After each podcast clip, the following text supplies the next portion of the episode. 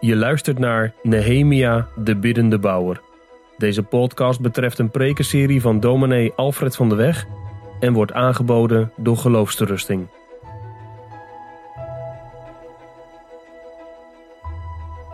Gemeente, we openen deze middag het woord opnieuw in het boek Nehemia. We lezen dus Nehemia 5, de eerste 13 versen deze middag. Komt een luid geroep van het volk en van hun vrouwen tegen hun broeders de Joden. Er waren er die zeiden, in leven blijven. Ook waren er die zeiden, wij staan op het punt onze velden, onze wijngaarden en onze huizen tot onderpand te geven zodat wij aan graan kunnen komen tegen de honger. Verder waren er die zeiden, wij hebben geld geleend voor de belasting aan de koning. Zoals hun zonen zijn ook onze zonen. En zie, wij staan op hij onderworpen. En dat buiten onze macht. En onze velden en onze wijngaarden behoren aan anderen toe. Ik, Nehemia, ontstak in hevige woede toen ik hun geroep en deze dingen hoorde. Geld uit tegen rente, ieder aan zijn broeder. Vervolgens belegde ik een groot waren teruggekocht, zoveel als in ons vermogen lag. Gaat u nu weer uw broeders verkopen, zodat ze weer aan ons zouden worden verkocht? Toen zwegen zij en vonden geen antwoord. En ik zei, wat u doet is niet goed. Moet u niet wandelen in de vrezen van onze God, vanwege de smaad van de heidevolken, onze vijanden? Lenen ook ik, mijn broers en mijn knechten geld en graan aan hen tegen rente? Laten we toch deze rente achterwege laten. Geef hun toch vandaag nog hun velden, hun wijngaarden, hun olijfbomen en hun huizen terug. En ook het honderdste deel van het geld en het graan, de nieuwe wijn en olie die u hun leent. Toen zeiden ze, wij zullen het teruggeven en wij zullen niets meer van hen eisen. Zo zullen we doen zoals u het zegt. Toen riep ik de priesters en ik liet hen zweren om dien overeenkomstig te handelen. Ook schudde ik de plooi van mijn mantel uit en ik zei, zo mogen God elke man die dit woord niet gestand zal doen, uitschudden uit zijn huis en uit zijn arbeid. En zo mogen hij uitgeschud en leeg zijn. En de hele gemeente zei, Amen. En zij prezen de Heere en het volk handelde dien overeenkomstig. Hier eindigt de schriftlezing. Als kerntekst voor de verkondiging vanmiddag onderstreep ik vers 9b, de vraag van Nehemia aan het volk. Moet u niet wandelen in de vrezen van onze God? vanwege de smaad van de heidevolken, onze vijanden. Gemeente, jonge mensen, de boktor, wel eens van gehoord? Dat kleine beestje. Wat zo ongekend veel hinder kan veroorzaken. De ellende is alleen dat je dat pas laat doorhebt. Er zijn machtige kathedralen geweest, grote kerken, die eeuwenlang de stormen en noem maar op getrotseerd hebben van buiten. En die na verloop van tijd door zo'n klein beestje, de boktor, de houten gewelven helemaal kapot, gegeten, moesten sluiten. Het is wat gemeente. Een kathedraal. Stoere kerk. Kerk waarvan je van een afstandje zegt, nou, dat, die kan er wel tegenaan. Die verduurt de tijd wel. En van binnen was er een proces gaande wat funeste gevolgen had. Dat kan dus. Want de kerk van Christus, of ze nu in de tijd van de Hemia leeft of vandaag de dag, heeft altijd te maken met gevaren van buiten en gevaren van binnen. En de gevaren van binnen zijn vaak heftiger erger dan de gevaren van buiten. En dat brengt ons bij de tekst van vanmiddag. De vraag die Nehemia stelt, een actuele vraag heb ik boven de preek gezet. Een actuele vraag die Nehemia stelt aan zijn volksgenoten, aan zijn broeders. En die wij ook vanmiddag krijgen te beantwoorden. Moet u niet wandelen in de vrezen van onze God vanwege de smaad van de heidevolken? Onze vijanden. We letten op drie gedachten. In de eerste plaats op de aanleidingen toe. In de tweede plaats op het stellen ervan. En in de derde plaats op het antwoord erop. Een actuele vraag. De aanleidingen toe. Het stellen ervan. Het antwoord erop. Eerst dus de aanleiding ertoe. Ja, Nehemia 5 is van een heel andere toonsoort dan Nehemia 4. Hè? Het is weer even geleden, maar Nehemia 4, dat was, u weet het wel, hè? Die, die druk van buitenaf. Samballat en Tobia en Gesem, de Arabier, die probeerden om de bouw aan de muren en aan de stad te verhinderen. Maar dat lukte niet. Ondanks die tegendruk van buiten werd er heldhaftig voortgebouwd. En het duurt niet lang meer, kinderen, of de muur is gewoonweg klaar. Het project is gereed. Ondanks al die tegenslag. Ja, natuurlijk, zegt iemand, want de Heer die maakt zijn, zijn woord waar. En Nehemia is niet voor niets vanuit ballingschap teruggegaan. Zijn koninkrijk komt, nou dat blijkt. De muur is bijna klaar en we zouden bijna verkneukeld gaan toekijken. Als bouwers aan die muur. Dat hebben we toch goed gedaan, hè? Handen in elkaar geslagen. Moest kijken. Daar staat hij dan. En niets en niemand heeft ons kunnen weerhouden om die muur af te bouwen. Dat hebben we toch goed gedaan. Compliment. En dan ineens, tenminste voor ons ineens, vers 1, Nehemia 5. Er ontstond een luid geroep van het volk. Voor ons gevoel komt het uit de lucht vallen. Waar komt dit nou vandaan? Ja, voor ons gevoel, maar voor, voor het volk niet hoor. En voor die vrouwen en voor het volk wat luid roept, komt het ook niet als een verrassing. Kinderen, het is net als met een vulkaan. Er broeit onderhuids iets en het komt er op een zeker moment uit. Of om een ander beeld te gebruiken. Je kunt een fietsband oppompen tot die vol is en dan stoppen wij meestal. Maar als je nou door gaat pompen, wat krijg je dan? Als je de druk maar op blijft voeren, wat gebeurt er dan?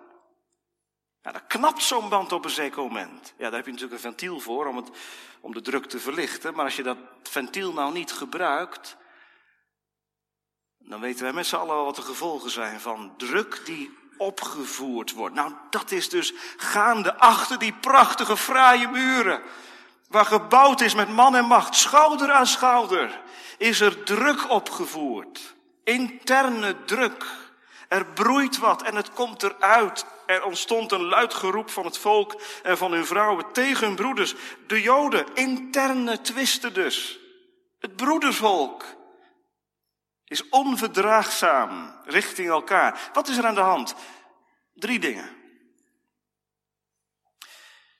In de eerste plaats, het werk op de muren, en dat kunnen wij ons wel voorstellen, denk ik. Het werk op de muren, dat is uiteindelijk ten koste gegaan van heel veel andere dingen. Er is met man en macht gewerkt aan die muur.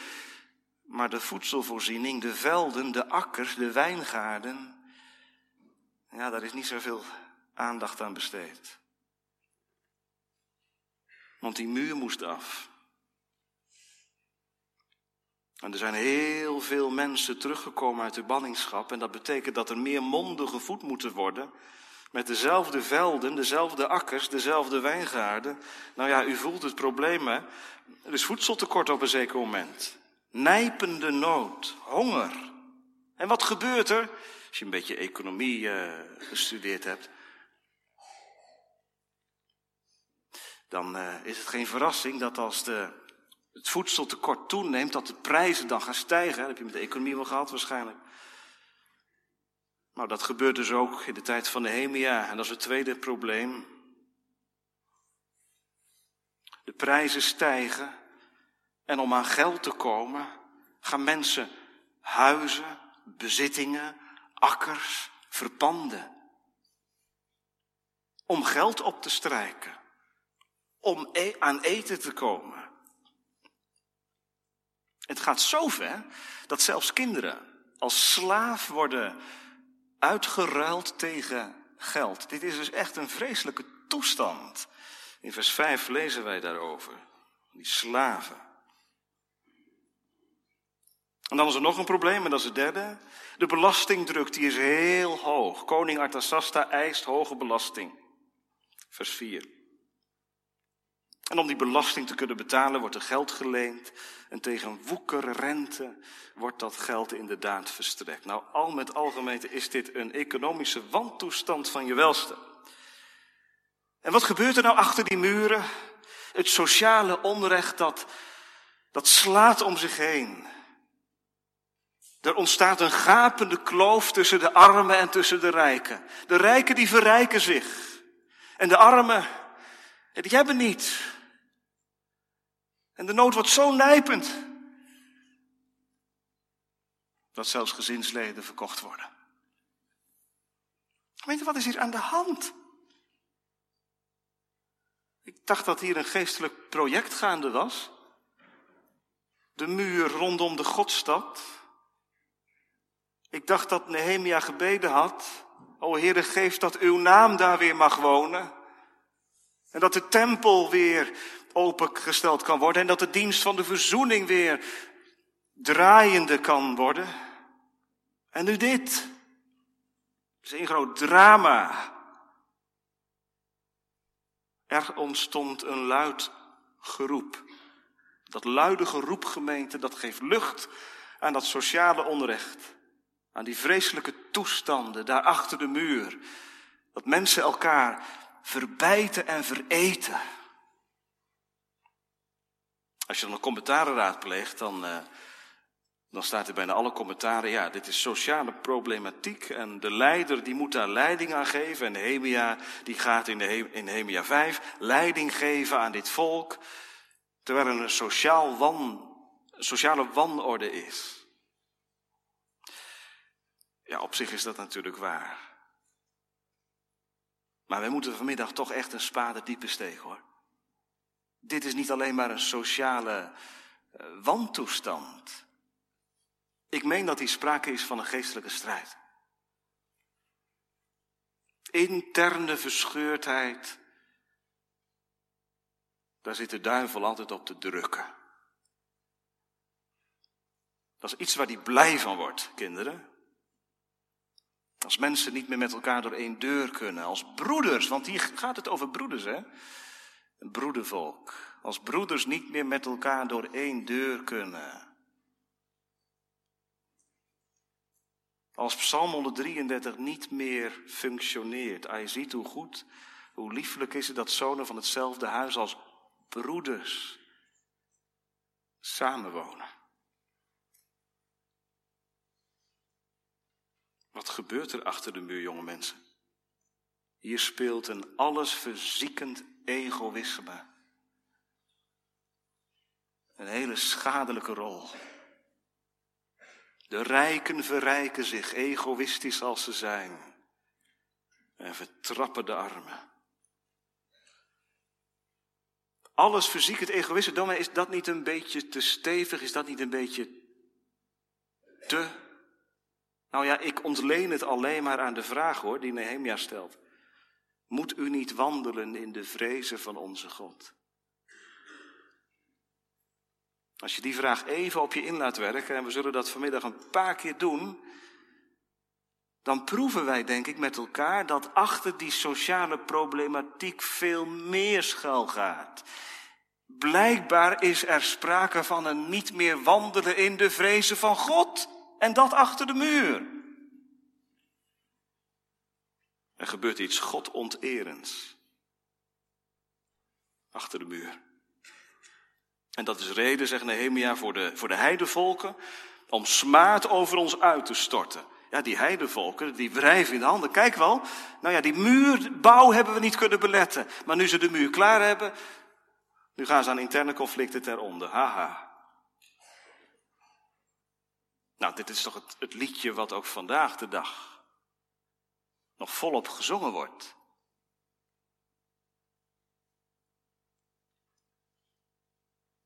Wie zich gelukkig prijst dat de kerken vol zitten,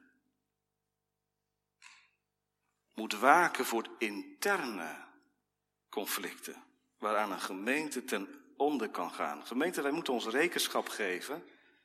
En met wij bedoel ik ons allemaal.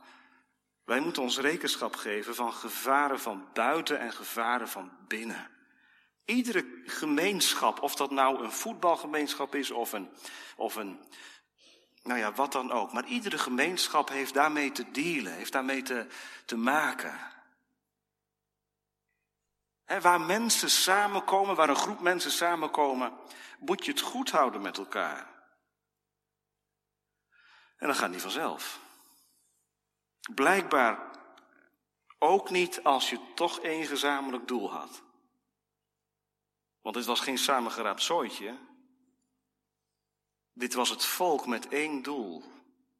Daar naartoe gekomen, de muur bouwen. Daar kwamen ze voor. En wat is er over, gemeente, van de gemeenschap, de koinonia? Nehemia 5 is een, is een spiegel waar wij allemaal in moeten kijken vanmiddag. Wat mooi begint, kan ontaarden in twist.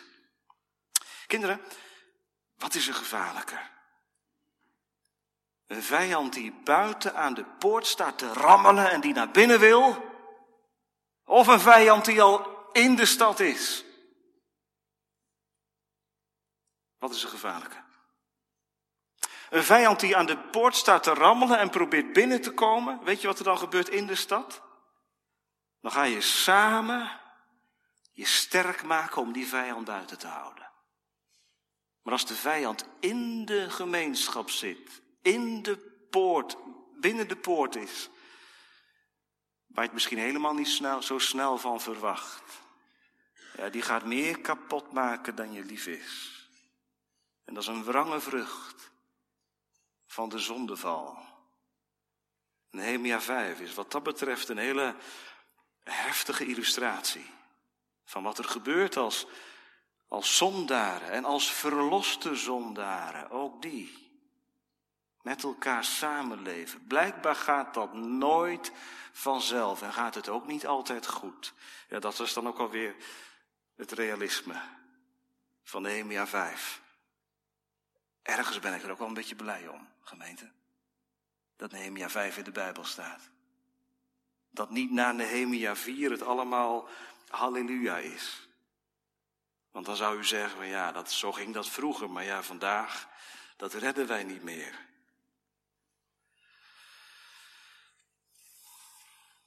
Nehemia 5. Spiegel, zei ik. Waarom?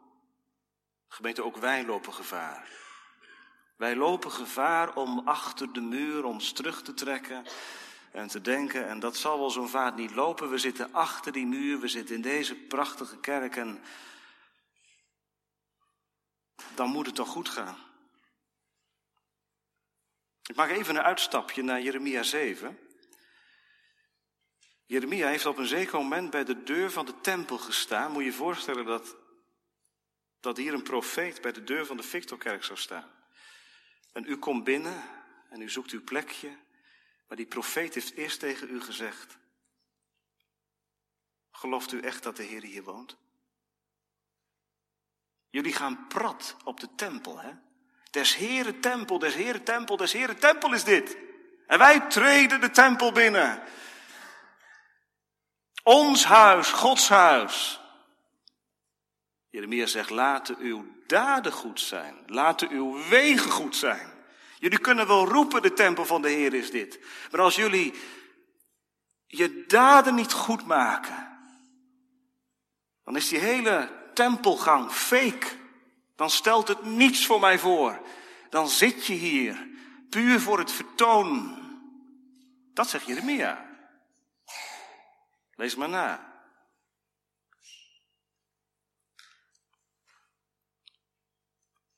Zouden wij ons dat misschien aan mogen trekken?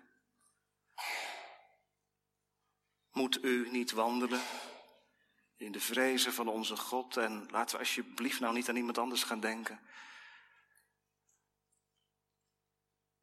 maar aan onszelf. Moet u niet wandelen in de vrezen van onze God? Zou de Heer vanmiddag reden vinden om die vraag concreet op mij op u af te laten komen.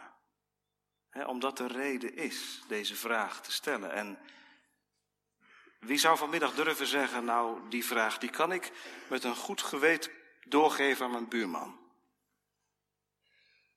Moet u niet wandelen in de vrezen van onze God? Nou ja, dat, dat gaat eigenlijk wel. Het gaat vanzelf. Het gaat goed. Het is een open zenuw die Nehemia straks met die vraag nog eens een keer pijnlijk naar voren haalt. Iedereen is er, het volk is thuis, maar achter de muur zijn de werken van het vlees. En weet je wat de werken van het vlees zijn? Galaten 5, oneenigheid, egoïsme, jaloezie, je eet elkaar op en je wordt van binnen verteerd. Dat is wat er gebeurt. Pijnlijk. Pijnlijk om dat te lezen. Ach, dominee, is nergens volmaakt.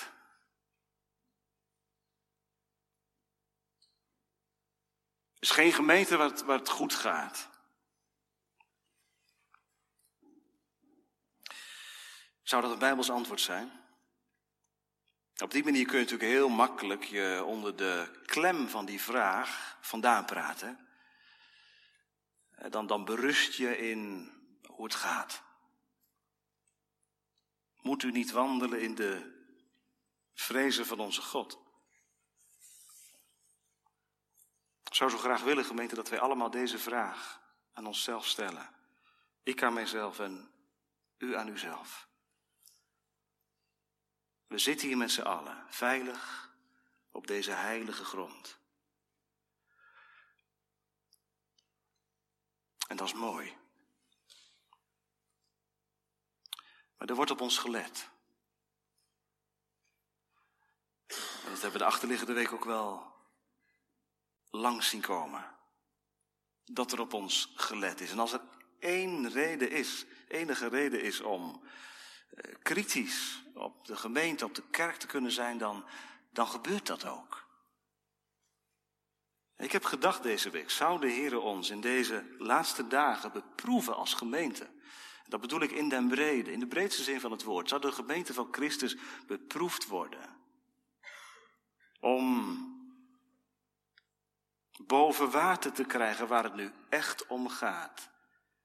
Niet om een zuil, niet om verworvenheden, niet om een mooie muur die om de stad heen staat, niet om een kerk, maar om dat ene moet u niet wandelen in de vrezen van onze God. Dat is de vraag die Nehemia opwerpt naar aanleiding van dat luide geroep, vers 1. En dat brengt me bij de tweede gedachte, het stellen ervan. Want dat is dan wel weer mooi. Nehemia hoort ervan, mensen komen bij hem en ze vertellen wat er aan de hand is. En Nehemia neemt het heel serieus. Die zegt niet, nou ja, wees nou blij dat die muur er staat. Nee, hij heeft door, hier is iets aan de hand, hier moet wat aan gedaan worden. Er is twist en tweedracht in het huisgezin van God en dat kan niet getolereerd worden. En voordat ik daar verder op inga, iets over Nehemia. Dat kijk eens wat Nehemia doet, dat is wel heel mooi. Als hij er, ervan hoort in vers 6, wat gebeurt er dan? Ik ontstak in hevige woede toen ik hun geroep en deze dingen hoorde. Nehemia wordt boos. Echt boos. Een emotionele ontlading. in privésfeer. En dat is helemaal begrijpelijk natuurlijk, hè? als mens, als leider, dat je een bepaald incasseringsvermogen hebt. En Nehemia heeft al heel veel over zich heen gekregen. En hier ontlaat hij achter de voordeur. Mag dat? Ja, dat mag. Word toornig. En zondig niet. Nehemia gaat, Nehemia gaat niet als een furie de stad in. Om de mensen bij de schouder te pakken en te zeggen: Wat doe je nou? Doe normaal. Hij ontlaat achter de voordeur. En wat doet hij nog meer achter die voordeur? Vers 7, ik ging bij mijzelf te raden. Een prachtige uitdrukking. In het Hebreeuws betekent dat zoiets als bij jezelf overwegen. Kinderen, misschien zegt je moeder het wel eens, hè, leren tot tien tellen. Als je broertje iets afgepakt heeft. is natuurlijk de eerste reactie meteen snauw. Zo gaat dat vaak, hè? Dan zegt je moeder, probeer tot tien te tellen, of tot drie te tellen, of tot vijf te tellen. Even, even bij jezelf te raden gaan. Niet meteen impulsief reageren. Nou, dat doet Nehemia ook. En gemeenten, met wat wij van Nehemia weten, mag ik denk ik ook wel zeggen, als Nehemia bij zichzelf te raden gaat, heeft hij het voor het aangezicht van de Heer neergelegd. Nehemia, de man van het gebed, heeft de feiten op een rijtje gezet voor het aangezicht van de Heer. En dan, dan gaat hij het publieke leven in. Ik riep de edelen en de machthebbers ter verantwoording en zei tegen hen, u leent geld uit tegen rente, ieder aan zijn broeder, en vervolgens belegt hij een grote vergadering. Nehemia gaat dus niet als een, als een solist te werk, op zijn eigen manier de mensen aanspreken. Nee, hij belegt een grote vergadering. En daar gaat hij allereerst de vinger op de zere plek leggen, net zoals een dokter doet. Dat is nooit het fijnste onderdeel van, een, van het werk van een dokter, maar wel heel beslissend en heel nodig. Wil je na kunnen denken over medicijnen, over oplossingen, moet de dokter toch eerst het gezegd hebben. Dit is er aan de hand, meneer. Onomwonden. Niet eromheen draaien. Dat is Nehemia. Vanuit de gemeenschap met de Here, de verborgen omgang met God, belegt hij de, die grote vergadering en stelt hij, en dat vind ik zo prachtig van deze leider, hij stelt een vraag.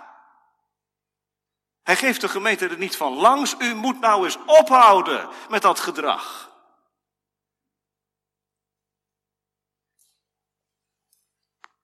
Hij stelt een vraag. Hoe pastoraal wil je het hebben? Moet u niet wandelen in de vrezen van onze God? Dat is alles. Hoe staat het ermee? Gemeente, dit is een vraag die iets openlegt. In ieder geval bij de mensen die de Heer vrezen. Die met hem wandelen. Ja, hoe staat het ermee? Nehemia, je hebt gelijk. Moeten wij niet wandelen in de vrezen van onze God? En hoe blijkt dat in mijn leven dat ik met Hem wandel? En hoe is dat achter de muur? Wat Nehemia bedoelt is, ja, ontdekkend preken is dit eigenlijk. De naald gaat erin, heel pijnlijk. Maar Nehemia geeft er niet van langs. Pastor is hij. Hoe staat het ervoor? Gemeente, die vraag. Niet doorgeven dus, hè. Aan jezelf blijven stellen. En als u zegt dat u met de Heer leeft, is dit eigenlijk een vraag voor iedere dag toch? Moet u niet wandelen in de vrezen van onze God? En die vraag wordt op zondag gesteld. Ja, op zondag zien we elkaar. Door de week is dat wat minder. Maar het wandelen in de vrezen van onze God, dat vindt plaats van maandag tot en met maandag. En op zondag krijgt u zomaar die vraag naar u toe. Krijg je die vraag naar je toe? Wandel je in de vrezen van je God? Wat betekent dat? Wat is dat?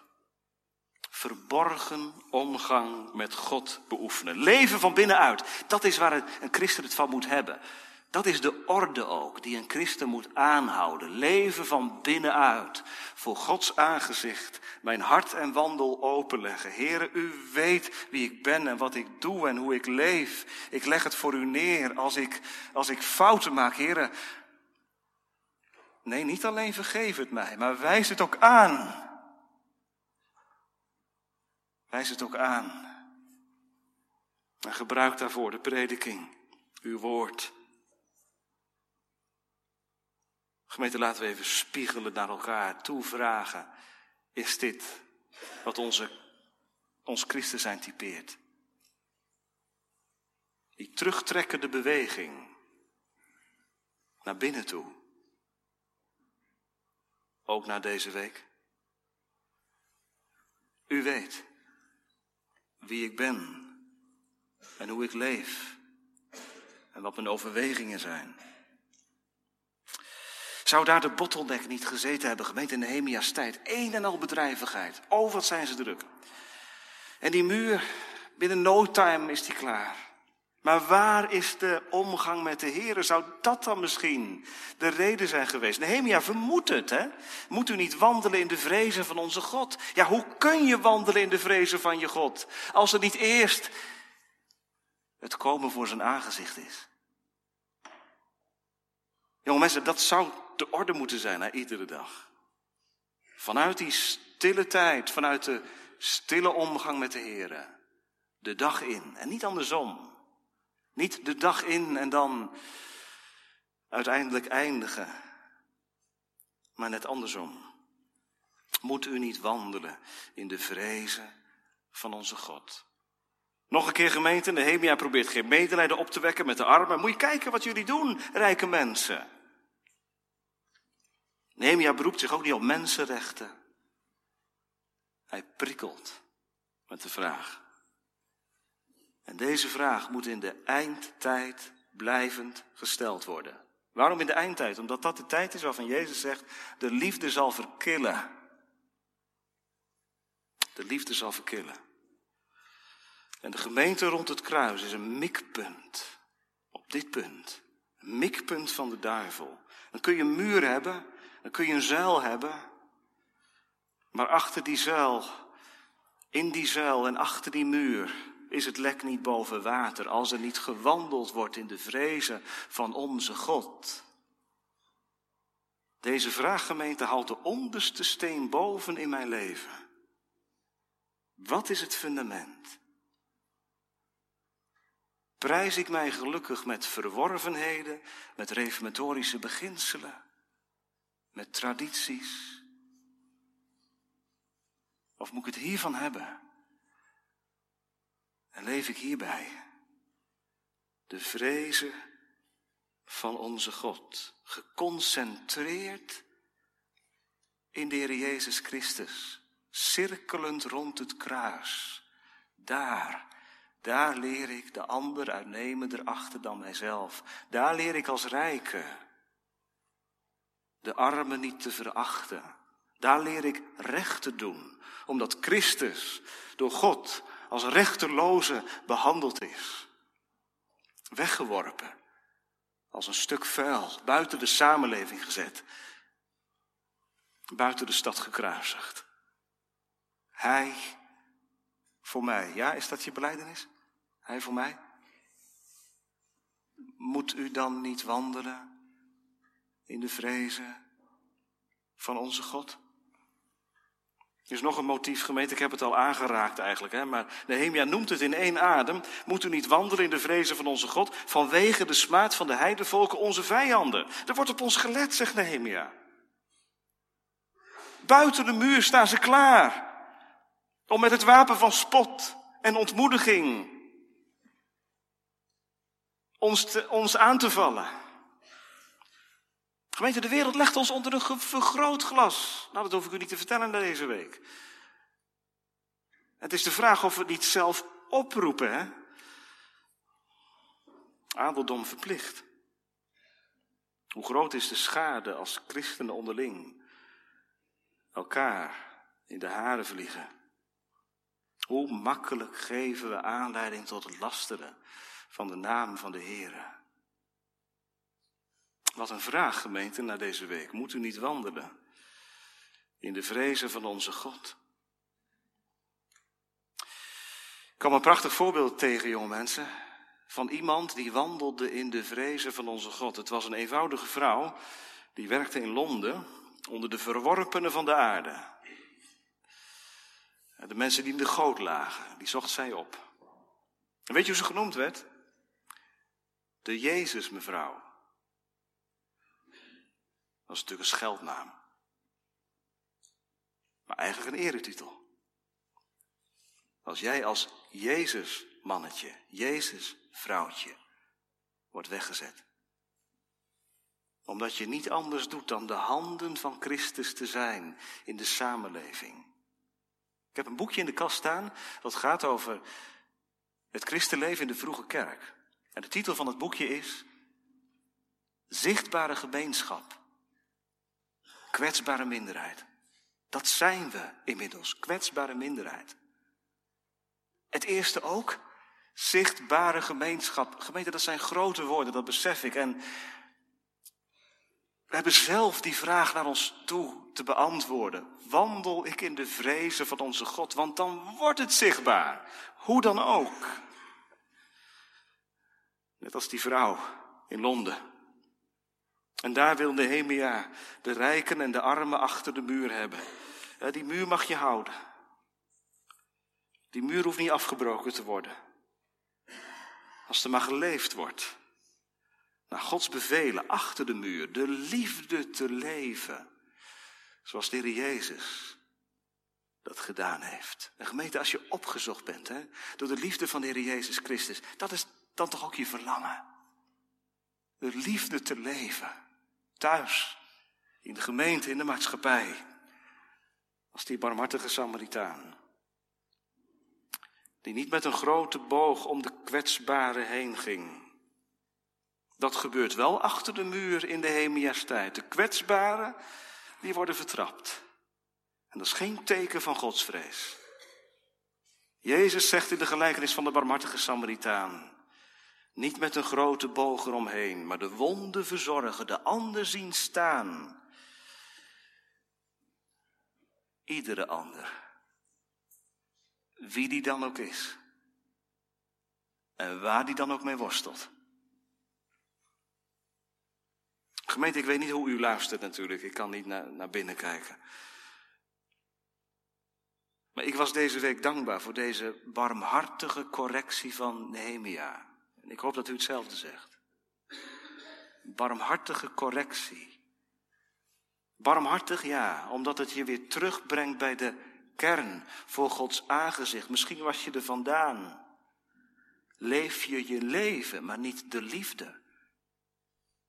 Moet u niet wandelen in de vrezen van onze God? Waar moet het ons brengen dan, gemeente? Op de knieën. Niet op de barricades. Op de knieën. Voordat we spreken. Net als Nehemia. Ook leren zwijgen. Ook onze verlegenheid durven te zeggen. Moet u niet wandelen? Tot slot, de reactie erop. Hij krijgt het voor elkaar, hè? Nehemia. Ja, moet je het zo taxeren? Een beetje dominante leider? Die met een paar stevige woorden het volk achter de muur weer terugdrijft in een hok? Zie je geen sprake van gemeente. Nehemia gebruikt geen agressie, geen geweld, geen dominantie. Hij legt de vinger op de zere plek. Wat u doet is niet goed. Helder. Moet u niet wandelen in de vrezen van onze God. En wat gebeurt er dan? Ik lees niet van gemopper, ik lees niet van gemurmureer.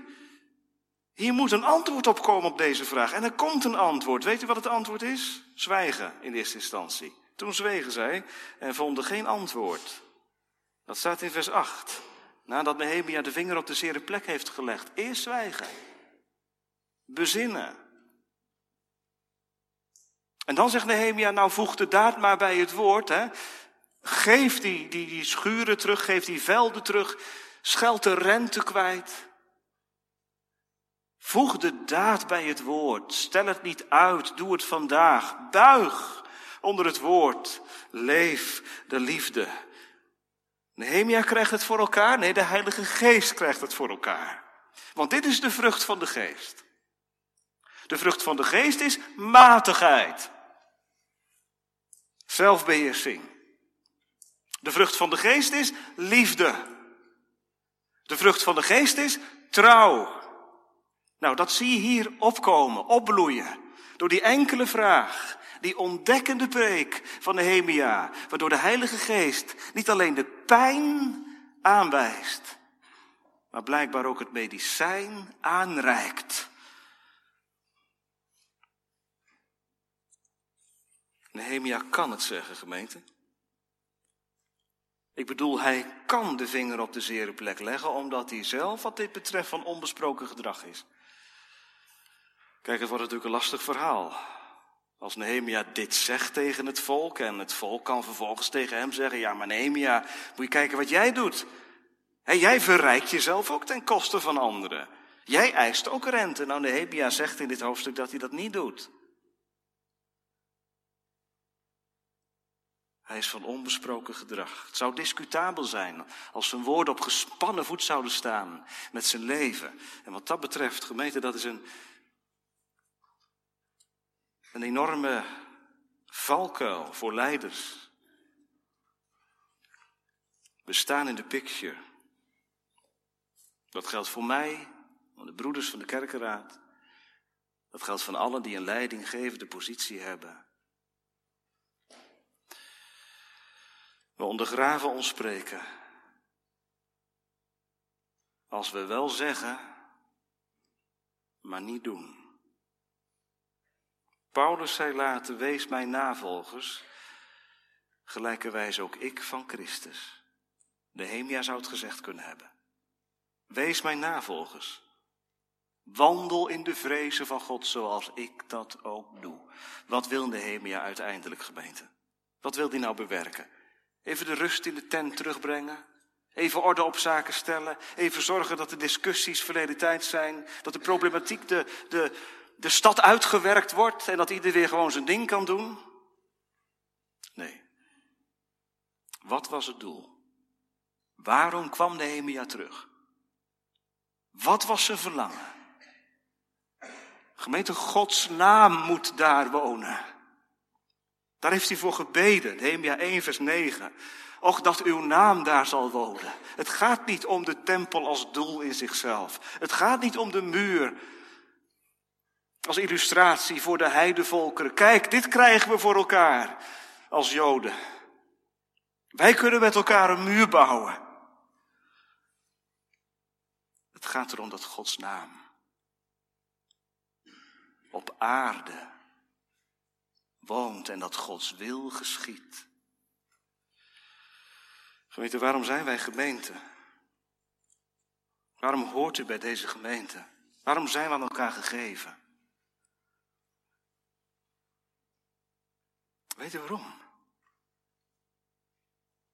Gods naam moet hier wonen. Gods eer verheerlijkt worden. In uw en mijn leven. Moet u niet wandelen in de vrezen van onze God. Daarom de dienst van de verzoening. Daarom ben je hier op zondag. Om je leven te laten aanraken veranderd te laten worden. Door de heiligende kracht van het woord. Door de barmhartige correctie van boven. Moet u niet wandelen in de vrezen van onze God. Gemeente, iedere zondag zoekt God je op in zijn tere barmhartigheid. Zodat wij in tere barmhartigheid leren omgaan met de ander. Achter de muur. In de gemeente. Nee, ik heb geen recept. Nehemia ook niet. Nehemia had enkel een vraag. Om de boktor in de kerk een halt toe te roepen. Het effectiefste meest effectieve bestrijdingsmiddel is een leven in de vrezen van God. Dat is een leven van ontvangen gemeente. Niet van moeten, maar van ontvangen. Terug op je knieën naar het kruis.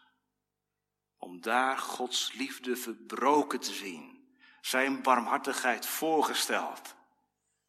Voor een rauwe zondaar als ik ben.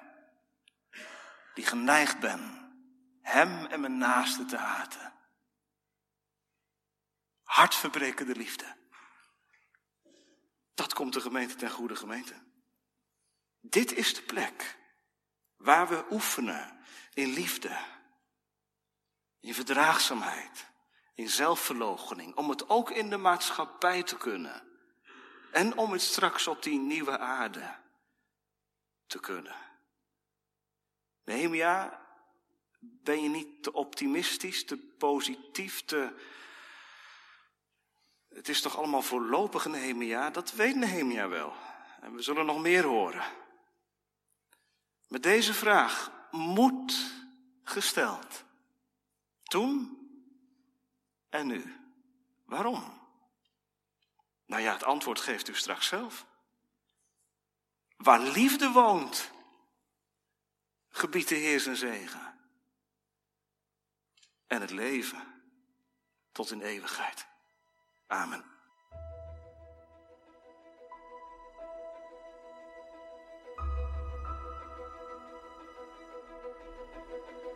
Je luisterde naar een podcast van Geloofsterusting. Wil je meer luisteren, lezen of bekijken? Steun dan onze missie en ga naar de website geloofsterusting.nl.